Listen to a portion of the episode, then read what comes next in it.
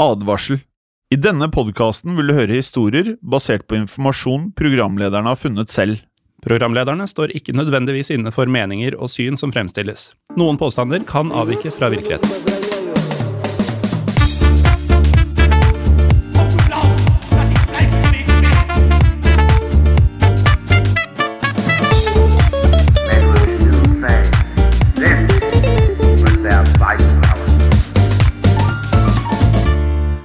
Hei og velkommen til en ny episode av Historie på den andre verdenskrig. Mitt navn er som alltid Jim Forsheim. Ja, vi tok den i dag. Ja, vi tok den. Mitt navn er eh, Morten Galasen. Ja. Forsheim ble jeg da Jeg studerte jo i Glasgow, Mm. så jeg kan bekrefte at i hvert fall i Ikke kanskje alle engelsktalene, men i hvert fall i Skottland, så sier de Jim Forsheim. Oh ja, Så det var ikke noe du bare fant Nei, på nei, nei. her og nå? Mr. Forsheim. Det var ofte det de sa, selv om jeg var eh, 20 år gammel. Jeg eh, mista mobilen min på en konsert i London en gang. Sier du det? Og eh, av forsikringshensyn så anmeldte jeg. Mm. Um, og da ringer en eh, konstabel eh, meg opp igjen sånn neste dag og kaller meg konsekvent for Mr. Galasen. Ja, men det er det jeg hadde gjettet at du Ja. eh, het òg. Mm. Så det er ikke noe sjokkerende. Men Nei. Mr. Forsheim Ja, den er, den er ganske langt på trynet, faktisk. Ja, ja, den er litt annerledes. Um, du har vært og eh, reist i helga. Hvilke land har du vært i nå? Du, jeg var i, um, i Belgia en tur. Ja, eh, På ja, sist torsdag. ja Eh, Deretter så var jeg en liten time i Amsterdam på hjemveien på fredagen. nettopp. Og så var jeg på Sørlandet i helga. Nettopp. Og Belgia, det var et sted du hadde vært tidligere, eller er det et nytt sted? Der har jeg vært tidligere. Ja, Men, Så det var eh, ikke noe sånn stor, så nytt? Nei, det var ikke det, men det var eh, sånn nærmere ti år siden sist. Ja. Og det slår meg jo at det er et undervurdert eh, reisemål. Ja, du mener det? Så ja, mat og drikke og arkitektur og håper å si andre tilbud er på stell. Ja, Hvor i Belgia var det? Antwerpen, Ja. Som eh, var en eh, flott by i det såkalte Flandern. Ja. Der snakker de jo flamsk, som ligner på nederlandsk, og er ofte veldig gode i engelsk. ja. Så veldig behagelig å være turist der. Hadde, du klart å etterligne Flandor? Flandern? Flandor? Flandern. Nei, det, det hadde jeg nok ikke. Nei, nei. Men kanskje vi kan øve på det til en annen gang. Ja, Så du anbefaler folk å stikke til Belgia? Ja, dra til Belgia. Veldig bra. Morten, i dagens episode så skal vi snakke om en eh, må kunne si en kontroversiell skikkelse på den allierte siden. Det kan vi kalle ham. Ja, for vi skal prate om Curtis LeMay, altså generalen som utførte en av de mest notoriske bombekampanjene under hele annen verdenskrig. Ja, og deretter så steg han eh, så høyt i gradene i det amerikanske luftvåpen at han eh, senere ble rådgiver for den amerikanske presidenten på Ja. 1960-tallet. Ja, Med andre ord kommer vi da til å bevege oss eh, forbi annen verdenskrig, siden vi også må snakke om LeMays oppførsel under den kalde krigen. Mm. For her endte han nemlig opp med å argumentere hissig for at USA burde gå til krig mot Sovjetunionen, noe som da kunne ført til en atomkrig. Ja, og når man ser på filmer og serier om sånn 'nå er verden på bristepunktet' Ja. eh, Vi har jo hatt episoder om eh, Cuba-krisen, f.eks. Ja, og der ble jo vi shaky. Ja, enhver Det var liten. Mm, enhver liten uh, feil reaksjon kan endre alt som vi kjenner. Ja. Uh, I filmer og serier så er det jo alltid sånn uh, Presidenten driver og lurer på hva han skal gjøre, og det er alltid sånn krigshissig general Ja. som sier nei, nei, vi må, vi må nuke dem. Ja. Dette er jo han fyren.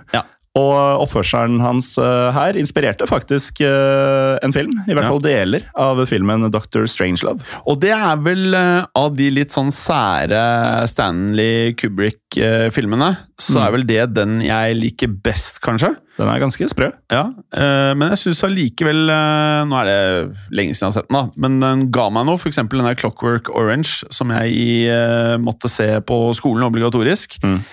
Eh, catcha ikke Kanskje jeg var for ung, men jeg catcha ikke Har du sett den i voksen alder? Nei, ikke i voksen. Nei, eh, Likte du den når du så den? Hadde du Egentlig, så den? egentlig ikke. Nei. Men, men eh, jeg tror eh, når man er ung, Ja. så er det ekstra vanskelig å se det store i gamle er filmer. Ja. Fordi du, du blir så irritert på at det er dårlig bilde, og, Mm. og at klærne er feil og sånn. Mm. Um, så jeg tror rett og slett ikke jeg var moden for det. Kanskje vi skulle sett den Ja. en dag snart? Ja, det kunne faktisk vært noe. Mm. Uh, men i hvert fall Dr. Strangelove er en eh, film som er interessert i historie. Den er egentlig en viktig film å få med seg. Mm.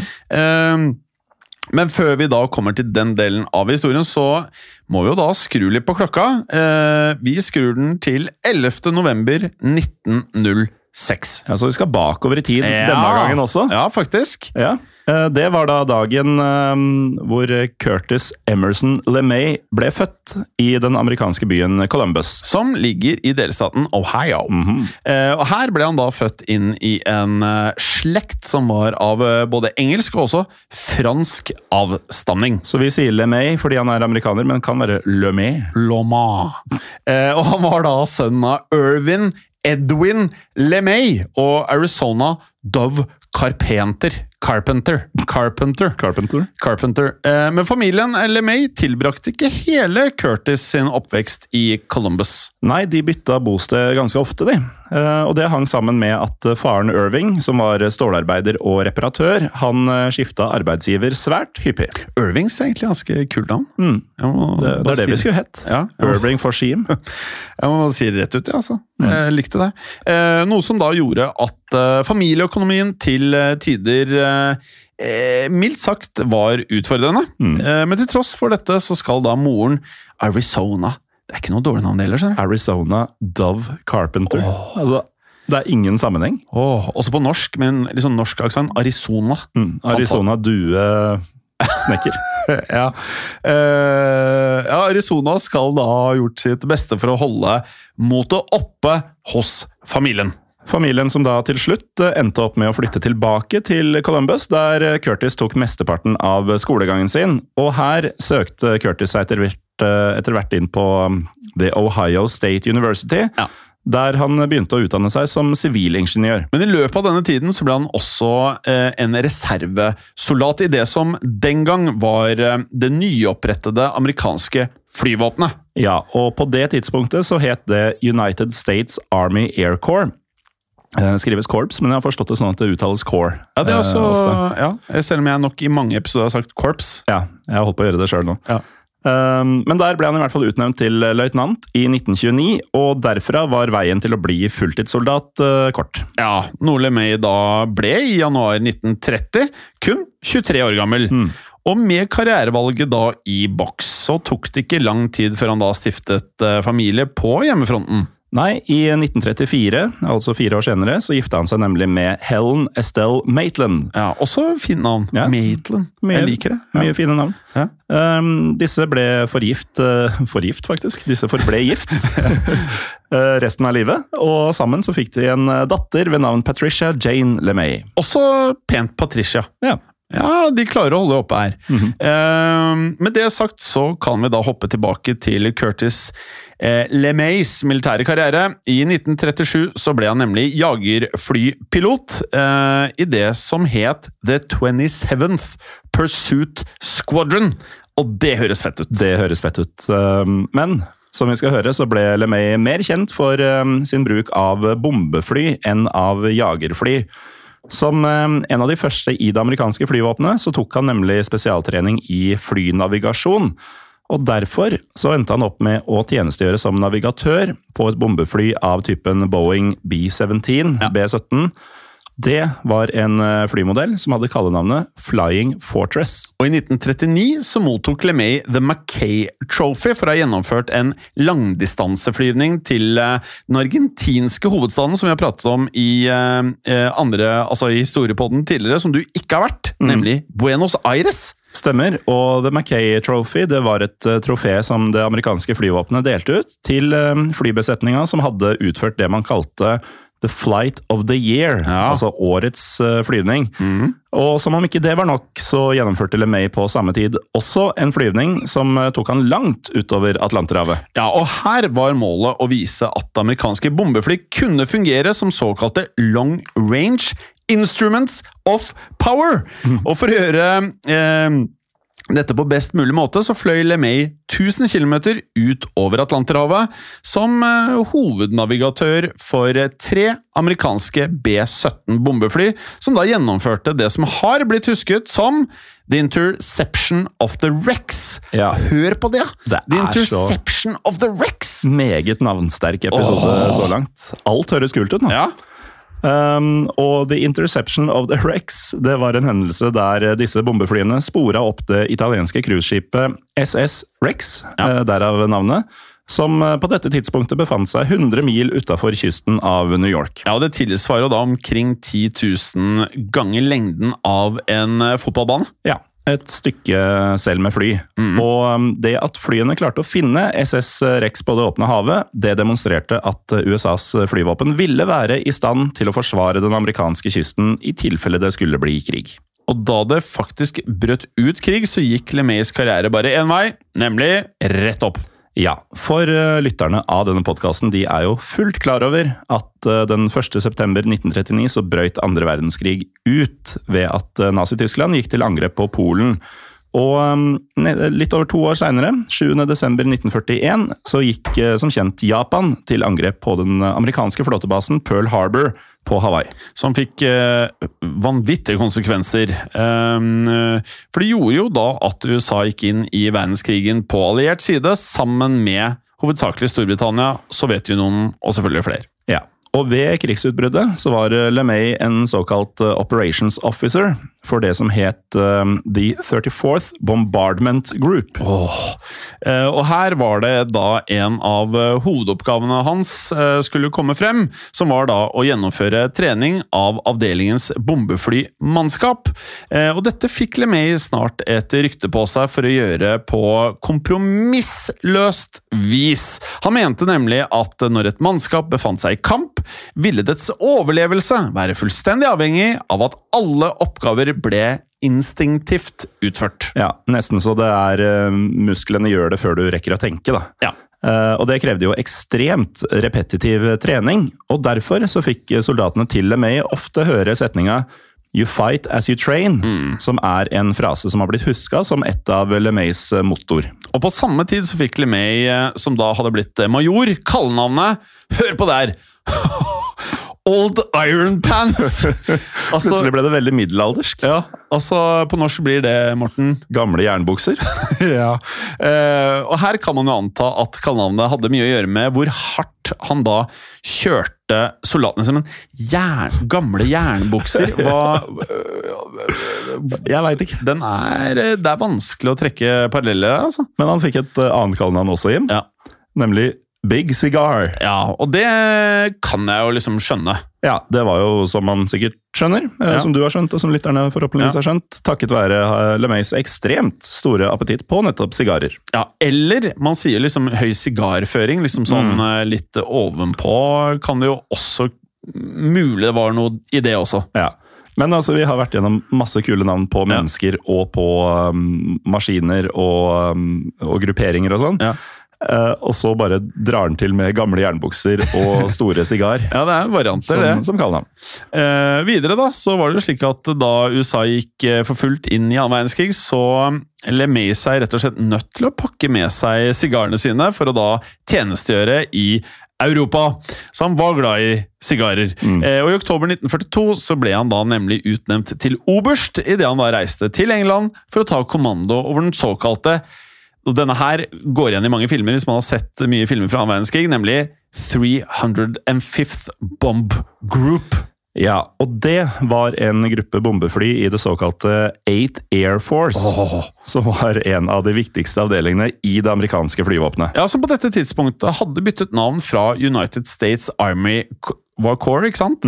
Air, altså United States Army Air Corps, ikke spesielt lett å si, til The US Air Force, som jeg kan forstå at de gjorde. Mye enklere. Mye enklere. Og fram til mai 1943 så leda LeMay så The 305th Bomb Group i kamp under en rekke bombetokter over naziokkuperte områder.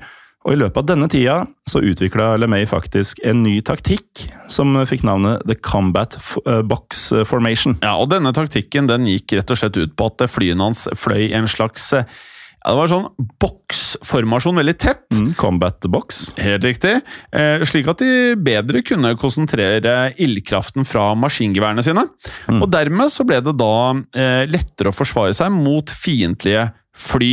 I tillegg eh, så kunne man da slippe en mer samlet konsentrasjon av bomber ned mot målet som fantes på bakken. Og man skal huske på at det, det å slippe bomber under annen verdenskrig, det er ikke som i dag. Det er ikke sånn eh, noen sitter med basically TV-spill-setup og kan peile inn en rakett.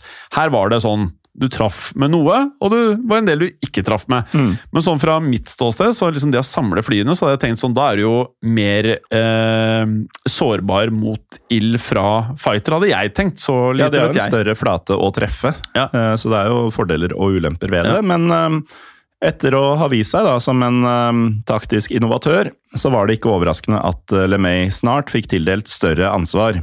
I eh, 1943, september 1943, så ble han nemlig utnevnt til eh, Brigade General. Eh, Samtidig så fikk han kommando over en nyoppretta avdeling med navnet The Third Air Division.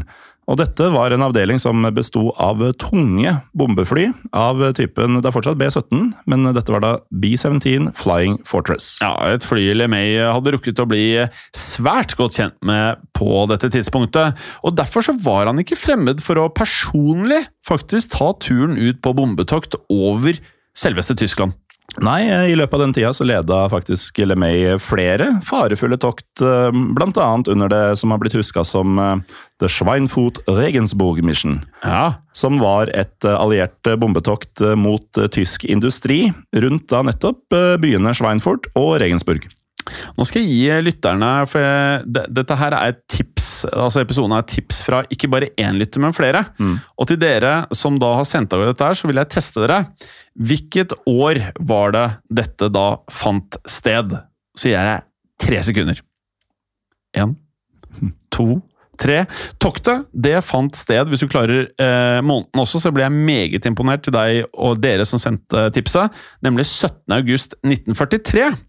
Eh, men idet man da eh, gjorde dette her, så gjorde man jo noe som var veldig risikabelt. Og man mistet da hele 60 bombefly. Eh, så det endte jo i et eh, alliert nederlag, dette her. Ja. Eh, dette var et resultat av rett og slett at eh, allierte jagerfly ikke hadde nok drivstoff til å eskortere bombeflyene hele veien til målet. Og dermed så ble B-17-flyene enkle bytter for det tyske flyvåpenet, altså Luftwaffe. Ja, man eh, skjønner jo at det blir litt nakent når eh, bare bombeflya kommer eh, over der og Luftwaffe er klare for dem. Eh, og det var faktisk først i 1944 at amerikanerne fikk på plass et jagerfly som kunne fly like langt som disse tunge bombeflyene. Og da var det snakk om det amerikanske jagerflyet P-51, altså P-51 Mustang. Dette ga da bombeflyene langt bedre beskyttelse, men tidligere hadde de allierte hatt en rekke problemer med å utføre bombetokt. Det var da særlig ett problem som bekymret eh, offiserene i eh, det amerikanske flyvåpenet. Nemlig at en høy prosentandel av bombefly hadde en eh, tendens til å avbryte oppdrag før de nådde målene sine. Ja, og det tok um, vår mann Curtis LeMay beinharde grep mot. Den eh, senere amerikanske forsvarsministeren Robert McNamara beskrev nemlig LeMays løsning på følgende vis. Curtis LeMay was the finest combat commander of any service I came across in war. But he was extraordinarily, extraordinarily aggressive, many thought brutal. He issued an order. He said, I will be in the lead plane on every mission. Any plane that takes off will go over the target, or the crew will be court martialed. The aborted mission rate dropped overnight. Now that's the kind of commander he was. Åh, ja, det er jo eh, tak, da, Ja. her. Eh, og siden LeMay da viste seg frem som en eh, svært løsningsorientert eh, fyr, så ble han utnevnt til generalmajor. Og jeg merker når vi tar disse titlene her, i og med at vi ikke har vært i militæret, det, det, er ikke, det er ikke gitt for meg hvilken rekkefølge alt er alltid. Nei, ikke jeg heller. Men eh, at generalmajor er høyt opp, det, det vet jeg. Men generalmajor Jeg sier ikke at det høres bedre ut enn general, men generalmajor ja, nei, det er, kanskje, kanskje jeg hadde tenkt deg rett under general? Det høres i hvert fall bedre ut enn klossmajor. Mye, veldig bra, Morten. Eh, skrur vi tiden litt frem, nemlig august 44, så ble han så overført til Stillehavsfronten, der han fikk eh, kommando over det 20th Air Force. Eh, med det fikk han også ansvar for alle såkalte Strategic Air Operations Against the Japanese Home Islands. Og det var en oppgave som LeMay skulle utføre på fullstendig hensynsløst vis. Ja, Han innså nemlig at bombetoktene i Stillehavet krevde en ny tilnærming, og da var det slik at LeMay fikk muligheten til å ta i bruk et uh, nytt fly. For på dette tidspunktet så hadde LeMay fått kommando over etterfølgeren til B-17-flyene, nemlig det såkalte Boeing B-29 B-29 Super Fortress. Som faktisk var flytypen som senere ble brukt til å da slippe de to amerikanske atombombene, altså Little Boy og Fat Man, over Hiroshima og Nagasaki. Men eh, først og fremst var B-29 et fly som var designa for mer konvensjonell bombing. Eh, Det har da blitt beskrevet på følgende vis, Jim. The Super Fortress was designed for high attitude strategic bombing, but also excelled in low altitude night fire bombing and in dropping naval mines to blockade Japan. For å beskrive dette flyet i enda mer detalj, så kan jeg jo også fortelle at eh, det hadde et vingespenn på 43 meter. Det er meget. Det er eh, en god del. Ja. Um, og det kunne nå en høyde på 10 000 meter, 10 km om du vil, og hadde en eh, topphastighet på 560 km i timen. I tillegg så hadde det en rekkevidde på over 900 mil, og det utgjør uh, f.eks. to ganger avstanden tur-retur eh, mellom New York og Los Angeles. Ja. Eh, Flyet kunne også romme en eh, besetning på 10-14 personer. Eh, Og sist, men ikke minst, så kunne det slippe hele 10 tonn med bomber. Mm. Noe som da tilsvarer vekten av eh, eh, fem voksne sjiraffer, eller f.eks. 1500 bowlingkuler. Så eh, fem voksne sjiraffer jeg, jeg visste ikke at de var så tunge, så jeg føler kanskje at 1500 bowlingkuler virker eh, mer. Ja, Eller bare 10 tonn med bomber. Ja, jeg syns kanskje det virket best. Ja. Ja. Men noen Eller ikke best, men mest. Mm. Ja. Noen ganger lurer på. eh, hvor du tar det fra, liksom. Fem Nei, voksne altså ja. Ja. Eh, I hvert fall bygginga av alle disse B-29-flyene, som det ble produsert nesten 4000 av, kosta da 3 milliarder dollar, eh, og dette var på 40-tallet. De 3 milliarder dollarene ville i dag tilsvart nesten 500 milliarder kroner. Ja, og det er helt riktig. Det er mye penger, for dette gjorde da B-29-flyene til eh, på lang eh, distanse foran eh, neste, neste program her, det dyreste våpenprogrammet under hele annen verdenskrig. Ja. Eh, til og med foran det hemmelige amerikanske atomvåpenprogrammet, The Manhattan Project. Og dette kostet nemlig eh, til sammenligning 1 milliard dollar, altså 300 milliarder kroner, så nesten det dobbelte. Ikke sant? Ja. Men eh, til tross for dette, så innså LeMay at det var et problem med B-29-flyene. Og dette problemet har blitt beskrevet som følger. They were dropping their bombs near their targets only 5% of the time. Ja, og det føles ikke veldig effektivt. Det er én av 20, det. 1 av 20, og I tillegg så skjønte LeMay at uh, tokt som ble utført på dagtid, ja, da risikerte man jo enorme tap pga. det japanske luftforsvaret. Samtidig så konkluderte han da med at såkalt high altitude precision bombing var lite gjennomførbart. Dette pga.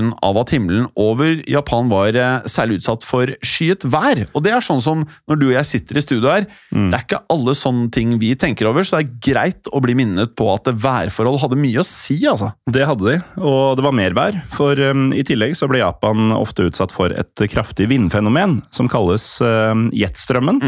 Noe som gjorde at bomber som ble sluppet fra store høyder, altså high altitude, ofte ble blåst vekk faktisk fra måla sine. Ja, det er et veldig viktig poeng, og derfor så kom LeMay opp med en ny strategi. Denne strategien gikk ut på at flyene hans skulle gjennomføre lavtflyvende nattaktutstyrt med brannbomber. Og dette høres jo ut som et lite inferno, nærmest. Det gjør det jo, og planen var da å slippe disse brannbombene over japanske byer, som i stor grad var bygd av eh, lettantennelige materialer, som tre og faktisk også papir. Ja, og idet LeMays bombefly gikk løs på Japan, så startet en av annen verdenskrigs aller mest brutale bombekampanjer.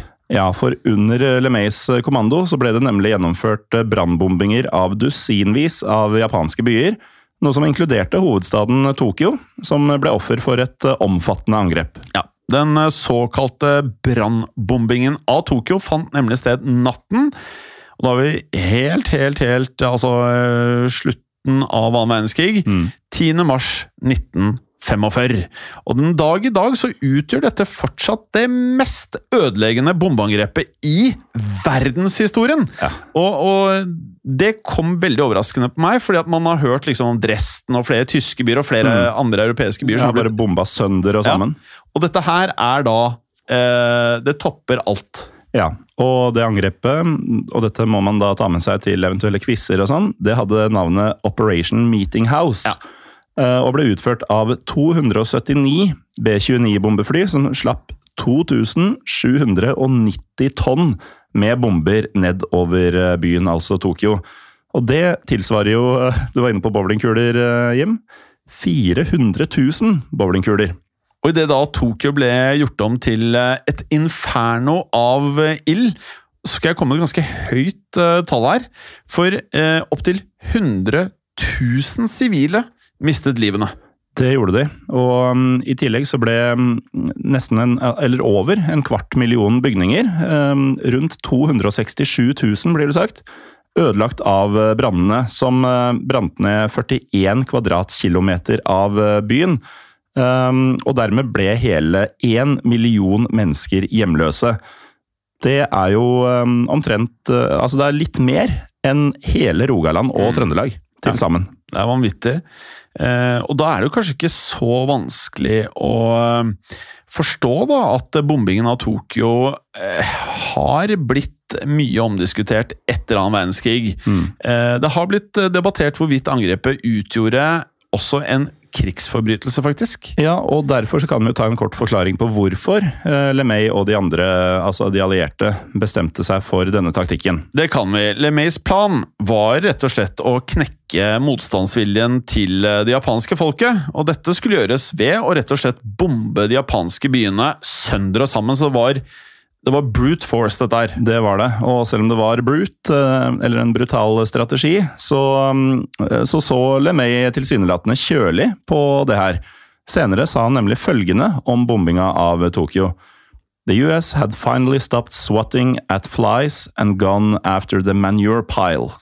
Akkurat, og slik eh, LeMay så det, så var nemlig bombingen av eh, japanske sivile en pris eh, han var villig til å betale dersom det endte opp med å forkorte krigen. Ja, og det var en holdning som faktisk ble rapportert gjennom eh, avisa The New York Times. For der sto det følgende Major General Curtis E. LeMay declared that if the war is shortened by a single day, the attack will have served its purpose. Ja. Samtidig var LeMay klar over at strategien hans eh, var moralsk tvilsom, hvis man kan eh, si det på den måten. da. For eh, senere så kom han nemlig med følgende uttalelse. I suppose if I had lost the war, I would have been tried as a war criminal. Så eh, det var høye bets. Ja, og han eh, visste jo da tydeligvis hva han gjorde. Men eh, til tross for eh, dette så fikk LeMay støtte fra både USAs president eh, Franklin D. Roosevelt og etterfølgeren hans Harry S. Truman.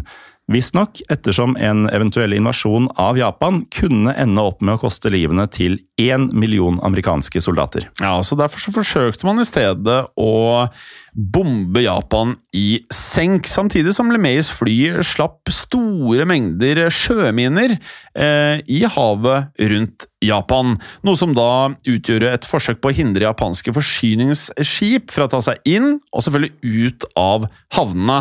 Eh, og Her var da målet å sulte ut japanerne, slik at de da eh, omsider kunne, eller måtte overgi seg. Mm. og hvordan dette gikk, kommer vi tilbake til etter en kort pause.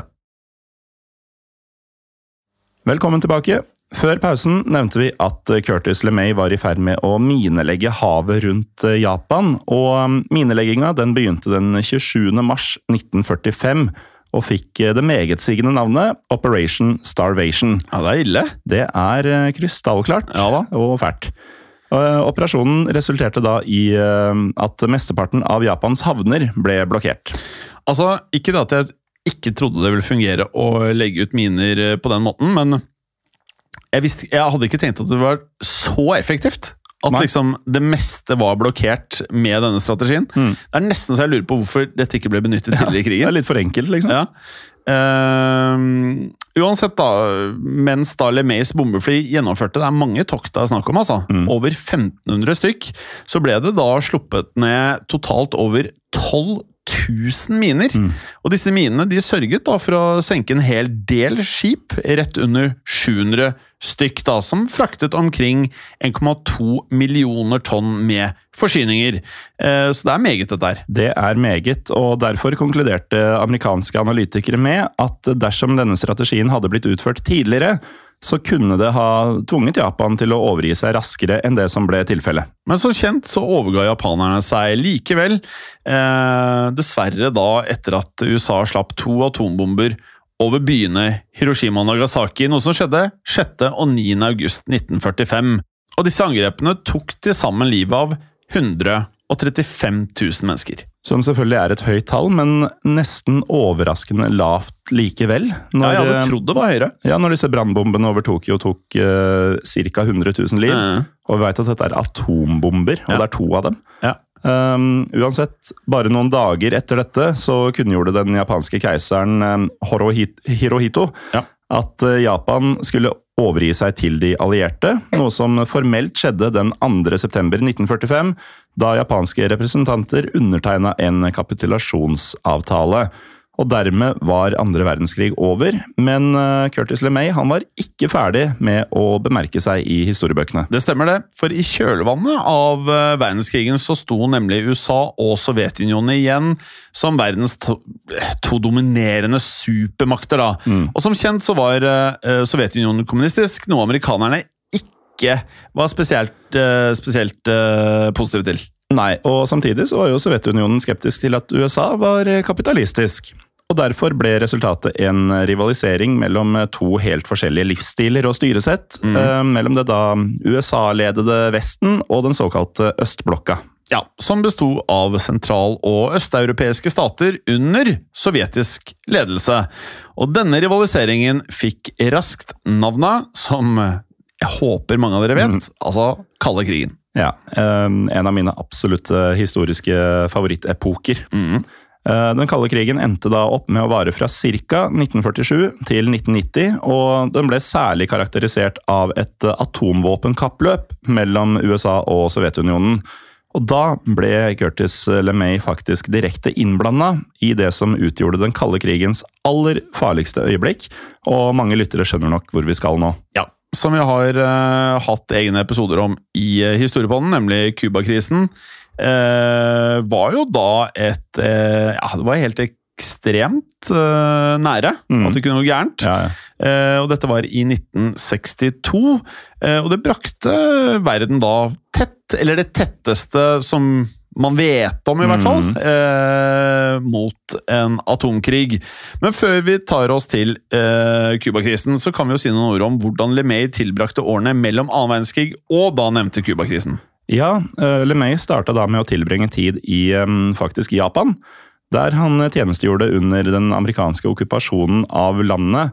Og her fikk han seg en ny hobby, i form av eh, noe av det mest japanske som fins, kanskje, nemlig kampsporten judo. Ja, Som visstnok gjorde at LeMay fikk judo-ærestittelen Shihan, eh, som eh, jeg forstår er eh, en mesterinstruktør. Da har han blitt god i judo. Ja, eh, det vil jeg si. Eh, han sørget deretter for å innføre judo i amerikansk militærtrening, og derfor så huskes LeMay som en av to menn som bidro til å popularisere judo etter annen verdenskrig. Den andre mannen var japaneren Kyose Mifune. Men eh, etter hvert så bar det tilbake til USA for eh, LeMay. Fra 1948 så tjenestegjorde han nemlig som sjef for den såkalte Strategic Air Command, eh, som var en stilling som ga LeMay ansvaret for eh, The US Air Forces atomvåpen. Han fikk eh, dermed ansvaret for å innføre bruken av jetbombefly, som skulle brukes for å slippe atombomber i en eventuell krig mot Sovjetunionen. Ja, og I løpet av denne omorganiseringen så sørget LeMay for å hemningsløst drille alt som fantes av offiserer, piloter, flymannskap, mekanikere og også annet personell. Og for å forklare hvorfor han alltid forventet høyest mulig standard, skal han ha sagt noe sånn som følgende I have neither the time nor the inclination to differentiate between the incompetent, incompetent and the merely unfortunate. Ja. En eh, annen ting LeMay ikke hadde evnen til å gjøre, var å legge bort eh, sigaren sin. Vi snakker jo om selveste Big Cigar her. Da LeMay ved et tilfelle befant seg i en cockpit på et bombefly, så ga nemlig piloten han beskjed om å slukke sigaren, for piloten mente at sigaren eh, potensielt kunne antenne flyet. Ja, og dette var en bekymring LeMay umiddelbart avviste. Eh, Det gjorde han på, eh, på følgende vis, ved å rett og slett si It wouldn't dare. Det, Fly, flyet ville ikke turt å ta fyr. og her er litt sånn dobbel betydning i eh, nicknamet hans. Altså både høy sigarføring ved å eh, gjøre som han vil, og at han likte sigarer. Ja. Ja. Og med det sagt så fortsatte LeMay å stige i gradene, for i 1951 så mottok han nemlig sin fjerde Gold Star, noe som gjorde han til en eh, firestjerners general i en alder av 44 år. Da er han ikke veldig mye eldre enn det vi er nå. Nei. Eller han var ikke veldig mye eldre enn det vi er nå. Han eh, gjorde mer i løpet av de første 44 åra av livet sitt enn vi kommer til å ha gjort når vi blir 44. Til sammen. Um, uansett, firestjerners general det var den høyeste rangen som kunne oppnås i både hæren, marinen og flyvåpenet. Ja. Eh, LeMay var med det da den yngste amerikaneren som hadde oppnådd en eh, slik rang siden 1860-tallet. Eh, Og med det i boks så endte LeMay opp med å bli generalen som virkelig ønsket atomkrig, utrolig nok. Ja, Han mente nemlig at en krig mot eh, Sovjetunionen var uunngåelig. Eh, Det måtte skje. Og siden eh, Sovjetunionen hadde færre atomvåpen enn USA på dette tidspunktet, så ønska LeMay at USA rett og slett skulle fremprovosere en krig så fort som mulig. Høres smart ut. Det høres smart ut. Og um, i 1954 så sa han derfor følgende til den amerikanske piloten Hal Austin, som skulle fly et eh, rekognoseringsoppdrag over Sovjetunionen. Well, maybe if we do this overflight right, we can get World War III started.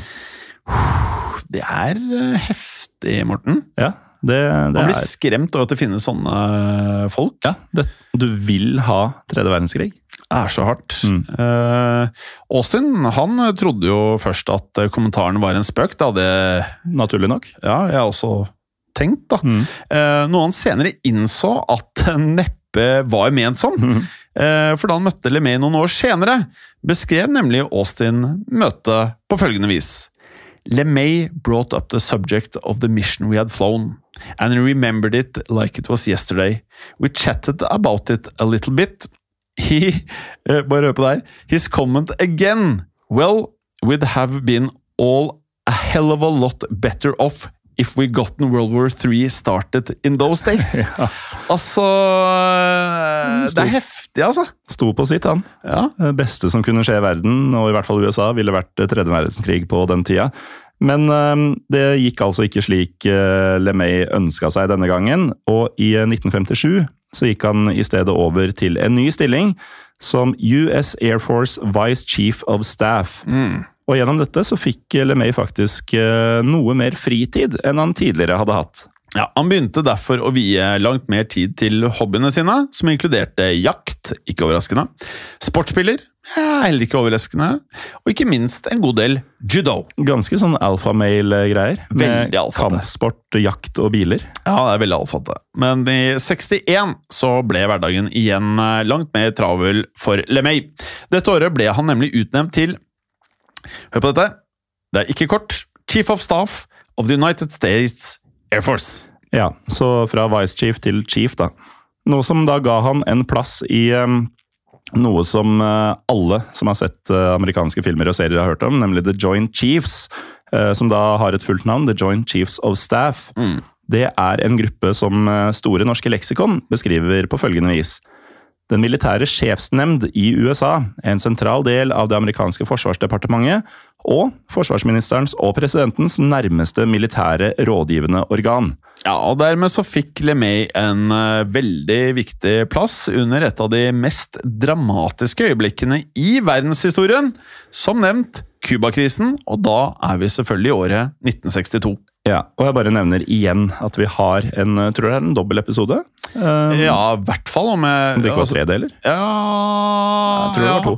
Ja, to. Eh, men i hvert fall vi har episoder om Cuba-krisen som tar dette i detalj. Og der, hvis dere ikke har hørt det, så er det faktisk en eh, relativt ukjent helt som vi ikke hadde hørt om før vi lagde episodene. Mm. Som eh, har en sentral rolle her. Ja. Men i hvert fall, som noen lyttere kanskje vet, kanskje fordi de har hørt episoden jeg akkurat nevnte, så ble Cuba-krisa utløst da USA oppdaga at eh, Sovjetunionen hadde begynt å utplassere atomvåpen på nettopp Cuba, altså øya like sør for eh, USA. På dette tidspunktet så hadde nemlig Cubas eh, kommunistiske leder, Fidel Castro, alliert seg med Sovjetunionen. Ja, og ettersom Cuba kun ligger eh, 16 mil unna kysten av den amerikanske delstaten Florida, så innebar dette at USA raskt kunne rammes av atomraketter fra Cuba. Noe som da utløste en eh, ja, rød alarm i det amerikanske militæret, og ikke minst i presidentens kontor i Det hvite hus.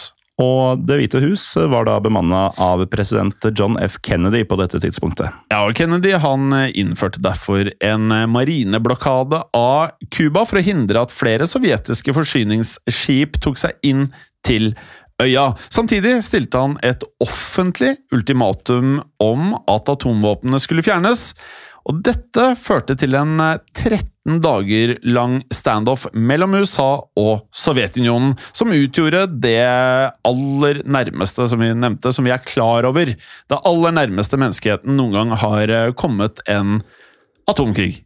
Ja, for eh, dersom våpnene ikke ble fjerna i tråd med USAs eh, krav, så var høytstående offiserer som LeMay av den oppfatning at man burde gjennomføre en full invasjon av Cuba.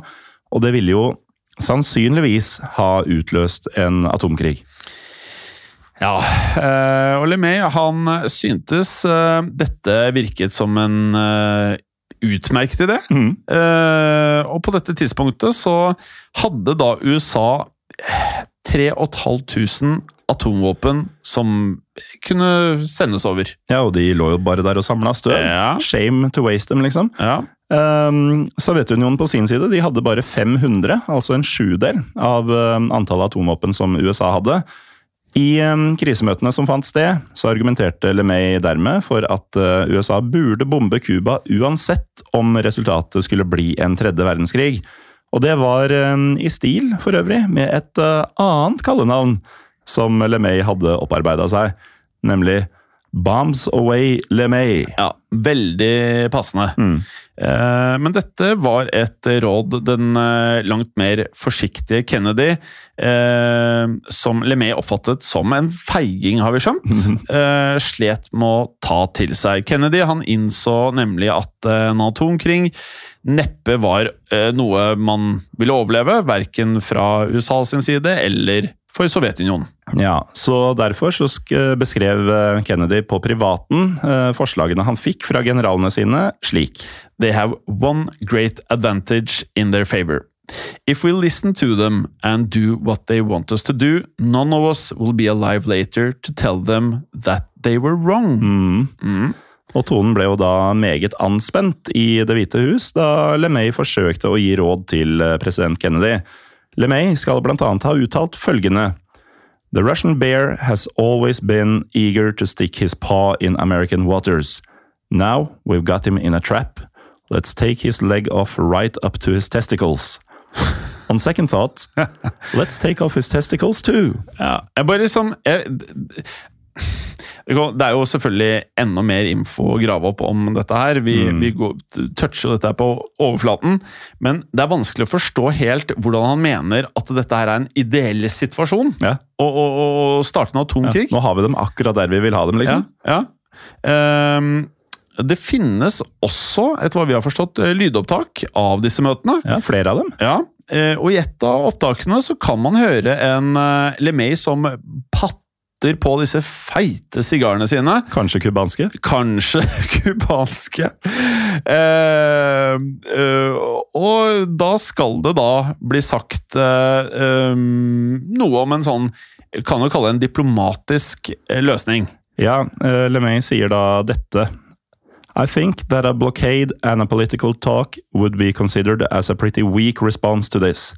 And I'm sure that a lot of our own citizens would feel that way too. In other words, you're in a pretty bad fix. Ja, og det føles vel som at dette sjokkerte Kennedy. Han eh, svarte noe sånn som You're in there with me personally. Ja, så um, Kennedy, du er i en uh, dårlig situasjon. Folket kommer til å synes du er svak. Kennedy svarer da ja, men du er i samme situasjon Ja. med meg. Ja. Uh, men til LeMays skuffelse så endte det med at uh, USA da ikke gikk til angrep på Cuba. I stedet fikk nemlig Kennedy på plass et kompromiss med den sovjetiske lederen Nikita Khrusjtsjov. Ganske deilig at Kennedy var president og ikke LMA. Det syns jeg også. Ja. Eh, og Khrusjtsjov han eh, trakk atomvåpnene heldigvis på Cuba tilbake i bytte mot at USA trakk ut atomvåpen fra baser i Tyrkia. Det er vinn-vinn. Det høres bra ut for alle og for hele verden. Eh, og Deretter inviterte Kennedy The Joint Chiefs of Staff tilbake til Det hvite hus, for å da takke for rådene han da fått under krisen. Eh, noe LeMay tilsynelatende ikke satte pris på, ettersom han skal ha sagt eh, følgende da han kom ut av møtet. We lost!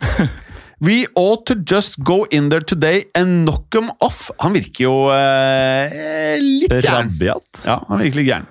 Men eh, den dag i dag så kan vi jo antagelig prise oss lykkelige da, for at LeMay ikke fikk det som han ville, og at eh, man dermed unngikk atomkrig i 1962. Det var kanskje derfor til det beste at LeMay etter hvert ble tvunget til å pensjonere seg, noe som muligens hang sammen med at Kennedys etterfølger som president, altså Lyndon B. Johnson, skal ha sagt uh, noe helt spesielt, Morten. Ja, Han sa nemlig, og dette er jeg helt enig i, LeMay scares the hell out of me. Åh! Altså, få han ut! eh, og da USAs innblanding i Vietnamkrigen eskalerte på 60-tallet, ga nemlig LeMay en rekke offentlige intervjuer. Her argumenterte han for at USA burde forsvare Sør-Vietnam ved å da bombe det kommunistiske Nord-Vietnam sønder og sammen. Altså, fyren Svaret på alt er bomber. virker, Og jo større, jo bedre. Altså, han virker helt sånn der eh, Det skapte da eh, særlig stor kontrovers da LeMay da brukte uttrykket 'bomb them back to the stone age'. Han har veldig klare fiendebilder. Ja, Det er sånn, er du ikke med oss, så skal vi Da, da har du ikke livets rett. Da kan vi gjøre hva vi vil med dere. ja, fjerne områder, fjerne Ja. mennesker. Um, og derfor så forsøkte LeMay å nyansere standpunktet sitt. Han sa da følgende I never said we should bomb them back to the Stone Age. I said we had the cap capability to do it. I want to save lives on both sides. Men uh, her ble LeMay motarbeida av USAs forsvarsminister Robert McNamara. En mann som har blitt beskrevet som the main person responsible for stopping LeMay from firebombing or nuking Vietnam. Det er ganske skremmende. For at eh, Vietnam er jo blitt kjent Altså, de fikk jo napalm, de ble jo bomba ganske heftig. Med LeMay så hadde de jo uh, Tør ikke å tenke på det engang. Nei, ikke sant. Eh, Så bra jobba av McNamara her. Eh, Og dermed så ble LeMay da omsider pressa til å gå av med pensjon, noe han gjorde i februar 1965, 58 år gammel. Likevel så var ikke LeMay helt ferdig i rampelyset, for um, tre år seinere, i 1968, så stilte han nemlig som visepresidentkandidaten til George Wallace, en tidligere guvernør fra delstaten Alabama. Ja, Som dette året forsøkte å bli utpekt til republikansk presidentkandidat. Men den jobben gikk i stedet til Richard Nixon, som endte opp med å vinne presidentvalget mot demokraten Hubert Humphrey. Hubert Humphrey. Der um, har ikke foreldra vært veldig eh, oppfinnsomme. Ja, liker litt, jeg. Ja, Hubert. ja, Hubert Humphrey. Hubert Humphrey. Eh, noe av det som gjorde at eh, Nixon eh, endte opp med kandidaturet i stedet for Wallace, det skal ha vært at LeMay, som han hadde gjort med Lyndon Johnson, skremte vettet av store deler av de republikanske velgerne. Særlig da han holdt en pressekonferanse der han argumenterte for at gjett hva? USA burde angripe Nord-Vietnam med atomvåpen. Altså, han fyren der, ass. Og det skjedde jo selvfølgelig ikke, da. Nei. Med det sagt så ble de neste tiårene langt roligere for LeMay, som aldri igjen tok steget ut av pensjonisttilværelsen.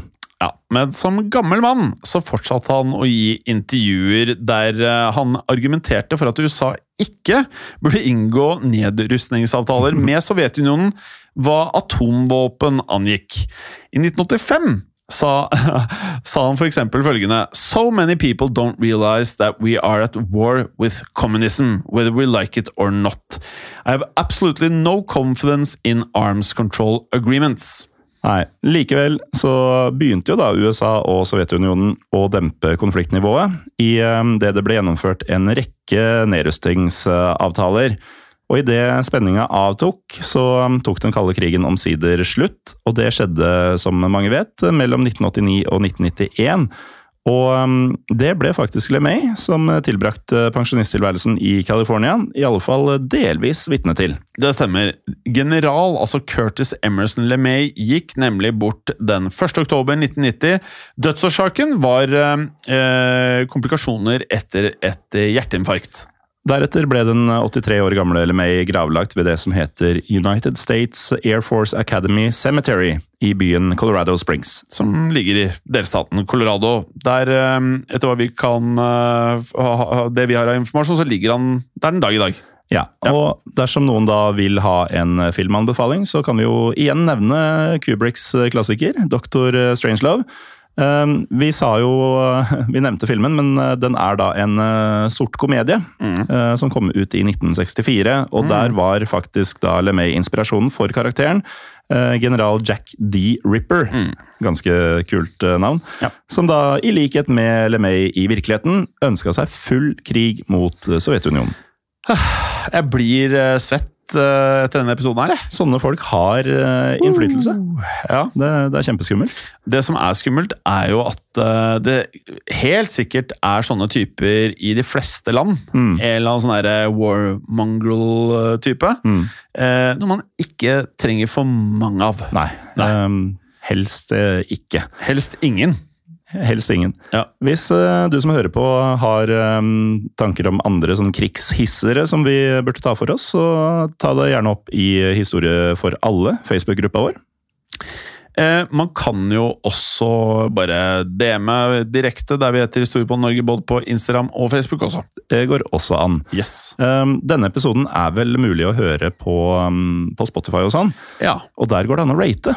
Så hvis du først er, eh, er der, eller mm. på denne Apple-spilleren som sånn som deg bruker hjem, mm. um, så kan du rate der også. Og så er det jo veldig mange som spør uh, hvor blir det alle episodene av Historiepodden og Historiepodden andre verdenskrig. De kan man høre i sin helhet på appen Untold. Mm. Uh, så vi har vel eh, gjort det sånn at det er hver fjerde episode ligger åpent på Apple og Spotify og der du hører på podkast andre steder som er gratis. Ellers må du betale 69 kroner i måneden eller uh, et årsabonnement for å høre alle episodene Ja. uten Kan, reklame, da. kan jeg egentlig varmt anbefale det alternativet. Ja, det vil jeg si. Ehm, og med det, Morten, så dette her har skjedd. Og det kan eh, dessverre skje igjen. Ha det bra. Ha det. Historiepodden ønsker å takke følgende. Dere som hjelper oss som sitter i produksjonen. Dere som hjelper oss og sitter i redaksjonen, inkludert tekstforfattere. Det er helt riktig. Og dere som sitter på marked, som faktisk da gir oss muligheten til å drive med Historiepodden. Og selvfølgelig alle dere som hører på. Tusen takk. Moderne media.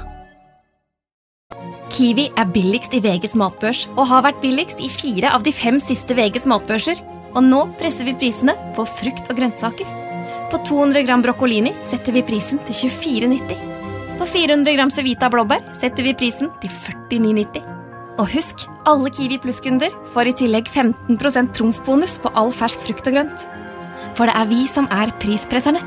Og vi i Kiwi gir oss aldri på pris.